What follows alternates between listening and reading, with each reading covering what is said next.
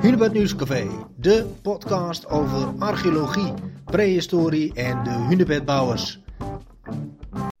Het Hunebedcentrum is sinds kort een archeo-hotspot en daarom spreek ik vandaag en volgende week met onze huisarcheologen over wat is archeologie en hoe gaat een archeoloog te werk.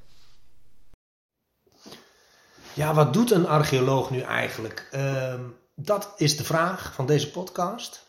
En we gaan het hebben over veldwerk, over opgraven en wat je allemaal nog meer kunt doen als archeoloog. Uh, Nadine Lemmers, ik zit hier met jou. Uh, kun jij mij vertellen of een archeoloog gewoon begint met graven waar, waar, hij maar zin heeft? Of, of wat, is, wat is het plan? Nou, in uh, Nederland hebben we dat allemaal heel goed geregeld met uh, wetgeving. Eigenlijk gaat een archeoloog alleen onderzoek doen als iets bedreigd wordt. Dus dat wil zeggen, stel er wordt ergens een weg aangelegd of er komt een nieuwbouwwijk of er wordt opnieuw gebouwd op dezelfde plek. Dan mag een archeoloog onderzoek doen en uh, anders gewoon eigenlijk niet. En heel af en toe, uh, als er een heel goed plan is, uh, mag een groepje wetenschappers van universiteiten en soms in combinatie met archeologische bedrijven, mag samen gaan kijken op een plek die niet bedreigd wordt. Dus, maar dat gebeurt heel, okay. heel af en toe. Ja. En vaak is het dan ook echt een heel bijzonder onderzoek. Maar meestal is, omdat de grond toch al wordt aangetast, wordt er gezegd, oh, dan, laten we dan ook eerst nog even ja. kijken. En dan ja. komt er dus een archeologisch bedrijf, zeg je dan? Ja, eigenlijk worden alle archeologische onderzoeken uh, ja, aan bedrijven gegeven. Maar het is ook wel eens dat een universiteit mee mag doen of het, het initiatief neemt daartoe. Uh, het is zelfs ook dat we werken bijvoorbeeld met uh, amateurarcheologen die meehelpen, zodat uh, sommige projecten iets goedkoper worden, waardoor we beter en mooier onderzoek kunnen opleveren. Maar in principe het meeste wordt gedaan door, ja, door bedrijven. Um, en hoe gaat dat dan? Dan is er een aanvraag, de, de M34 moet worden verlegd, ik noem maar wat. Ja. en dat komt dan binnen daar, bij een archeologisch bedrijf. Hè?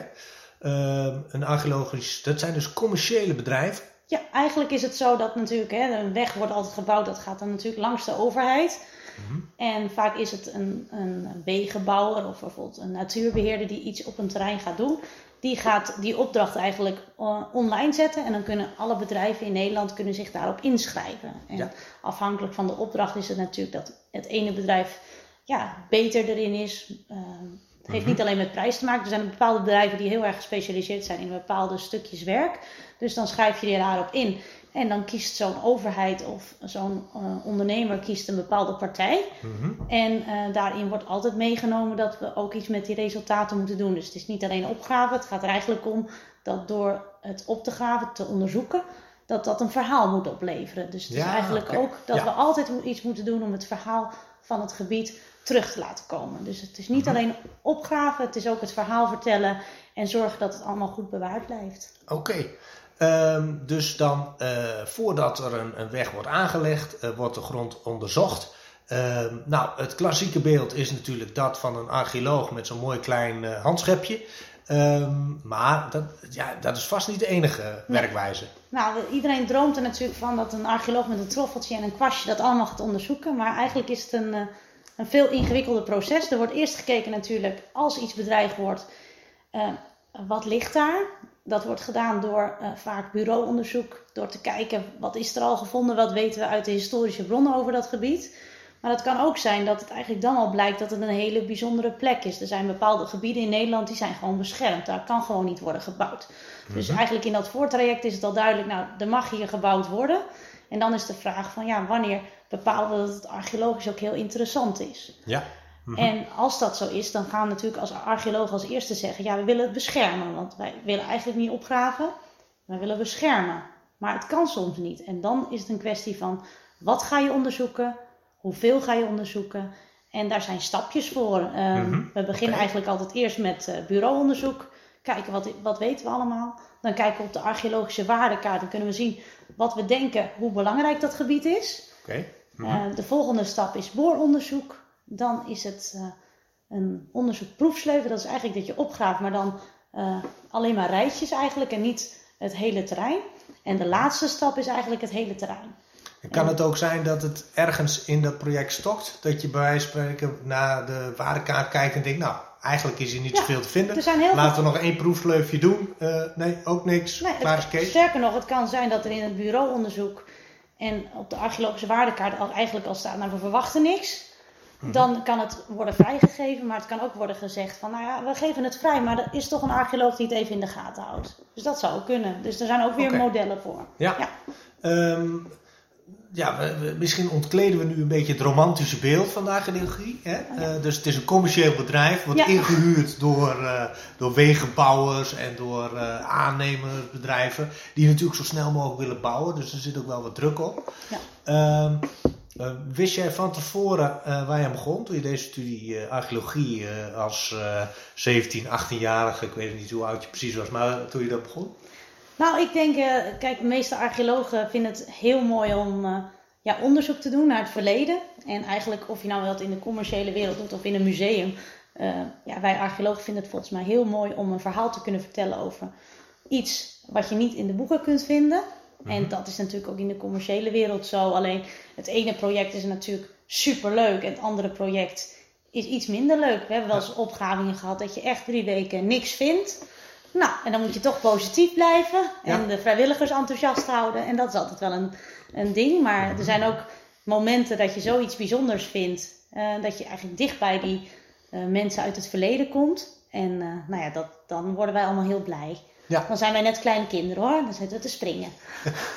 Heel mooi, heel mooi. Je hebt heel duidelijk uitgelegd eigenlijk even die aantal stappen van deskwerk naar het, eh, de waardekaart checken eh, en uiteindelijk ook proefsleuven maken en dan helemaal eh, afgraven. Ehm, is opgraven eh, de enige optie in, in die laatste fase of zijn er ook nog Nou ja, andere technieken? Wat, wat, je natuurlijk, wat ik heel leuk vind, de laatste periode zie je dat vaak opgraven niet mogelijk is. Dan moet je bijvoorbeeld denken aan, aan een stad, een binnenstad. Nou ja, dat kan gewoon niet. Mhm. Ehm, dan doen we vaak eh, archeologische begeleiding. Dat is eigenlijk dat we gewoon meekijken met de bouwer. Maar je ziet ook wel bijvoorbeeld eh, dat eh, natuurgebieden worden aangelegd. Dan gaan we vaak met, als er natuur wordt aangelegd, dan moet er toch archeologisch onderzoek plaatsvinden. Dat is natuurlijk aan de ene kant heel apart. Maar dat doen we ook vaak door samen met de ondernemer het zo goed mogelijk te doen. En ook te kijken van wanneer kunnen we ingrijpen. En vaak willen die eh, bedrijven ook wel echt, eh, als we wat vinden, dat ze daar ook wel echt iets mee willen doen. Ook in hun Mhm.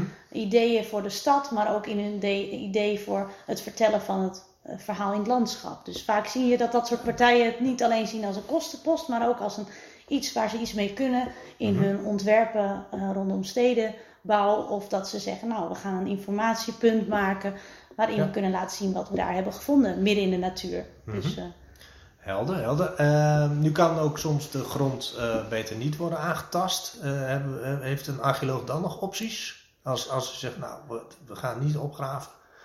Ja, wat je de laatste tijd ziet is dat mensen toch, als er bijvoorbeeld een stukje natuurbeheer moet plaatsvinden, of een stukje Ja. stedenbouw, dat we het bijvoorbeeld ophogen, dat we het eigenlijk door een stukje, eh, dat kan zijn eh, een, stu- een stuk soort plastic, of dat we het met grond afdekken, dat we eigenlijk hoger gaan bouwen, of dat we het anders aanleggen. Dat we zeggen, nou, die heuvel in dat landschap, dat doen we hier, want daaronder liggen archeologische sporen en dan kunnen we ze bewaren. Dus je Ja. ziet eigenlijk dat die ondernemer en die archeologen steeds meer hand in hand optrekken om het zo goed mogelijk te doen. Ja. En hier in Borgen, in Mandelanden, zijn alle punten niet opgegraven. Daar hebben we echt voor gekozen om de plekken die, eh, die haardkuilen, die bijzonder waren, om die gewoon, ja, om dat als ja, heuveltjes in het landschap te laten terugkomen. Dan weet je, hé, hey, dit is een bijzonder punt. En je weet gewoon dat je het voor de komende jaren, duizenden jaren misschien wel bewaart. Ehm, en, eh, dus je moet ook wel een beetje geduldig zijn als archeoloog. Dat je niet eh, alles zelf gelijk wil opgraven, maar dat je het soms ook voor een volgende generatie bewaart. Voor nieuwe technieken misschien. Ja, ik denk dat,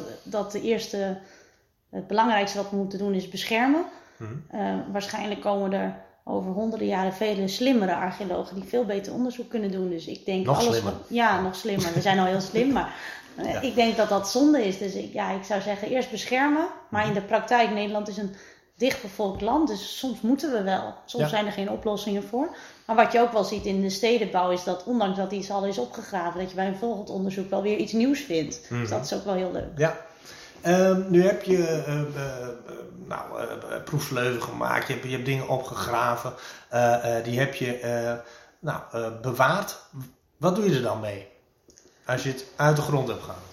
Nou ja, het, uh, wat we doen is eigenlijk natuurlijk, uh, iedereen denkt aan mooie spullen in musea altijd bij archeologie. Maar het belangrijkste is eigenlijk dat op het moment dat we gaan opgraven, of dat nou een, uh, een proefsleuf is of een echte opgraving vlakdekkend, of het is een booronderzoek, alles wat we doen is omschrijven. We creëren heel veel data, dus alles tekenen we, alle grondlagen, alle grondsporen worden vastgelegd.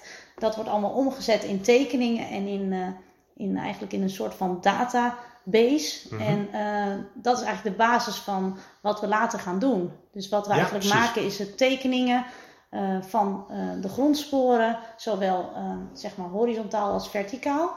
En dat mhm. is de basis om het verhaal te vertellen. En later komt dat tot leven op de computers in, in het bedrijf. En dan kun je precies zien, deze fonds komt daaruit. Dit is een huis. Dat wordt allemaal later heel mooi mhm. ja, naar voren gebracht. Dus je denkt eigenlijk gelijk al bij het opgraven na over uh, hoe vertalen we het zodat het tot goed onderzoek leidt ook? Ja, eigenlijk is er, een, ja, er is van tevoren al zo'n plan gemaakt. Mm en, en, dat wordt af en toe bijgestuurd, want soms vind je ineens iets wat je nooit had verwacht. Ja. Maar eigenlijk is er altijd een manier van werken waarin we eigenlijk alle data die we vinden worden verwerkt. Alles wordt genummerd. Uh, dus opgraven met een kwastje en een troffel. Eigenlijk moet je het meer zien als een grote computer die we eigenlijk zijn. En we zijn alles aan het vastleggen, aan het tekenen. En dat doen we ook allemaal tegenwoordig digitaal met GIS. Dus eigenlijk moet je ons meer zien als een soort uh, database ICT'ers dan uh, met dat kwastje en dat troffeltje. En dat is, ik denk dat heel veel mensen nu thuis denken van, nee, dat vind ik helemaal niet meer leuk. Maar geloof mij, het is al, je doet het nog steeds allebei. En uh, het digitaal tekenen levert gewoon veel meer resultaten op. Dit was alweer een podcast van het Hunebed Nieuwscafé. Bedankt voor het luisteren. Heb je nu vragen of een tip voor een mooi onderwerp? Mail dat er even naar mij naar gklompmaker.hunebedcentrum.nl En vergeet niet, elke woensdag weer twee nieuwe episodes.